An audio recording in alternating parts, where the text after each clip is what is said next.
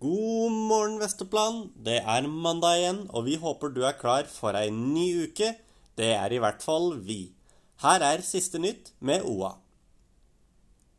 Etter lørdagens moskéangrep i Bærum har politiet i Innlandet hatt ekstra beredskap og vært på plass ved bl.a. Strandhotell, der Islamsk kultursenter i Gjøvik var samlet i anledning Eid-feiring.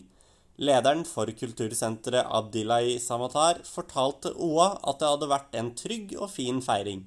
Innlandet politidistrikt kunne også melde om at feiringen hadde gått stille og rolig for seg utover dagen. Høyres ordførerkandidat i Gjøvik, Anne Bjertnæs, slår tilbake påstandene om at Erna Solberg henger ut Gjøvik. Aps Stian Simensen opplevde at Erna fremstilte Gjøvik som en verstingkommune når det kommer til heltidsstillinger, men Bjertnæs mener statsministeren bare brukte Gjøvik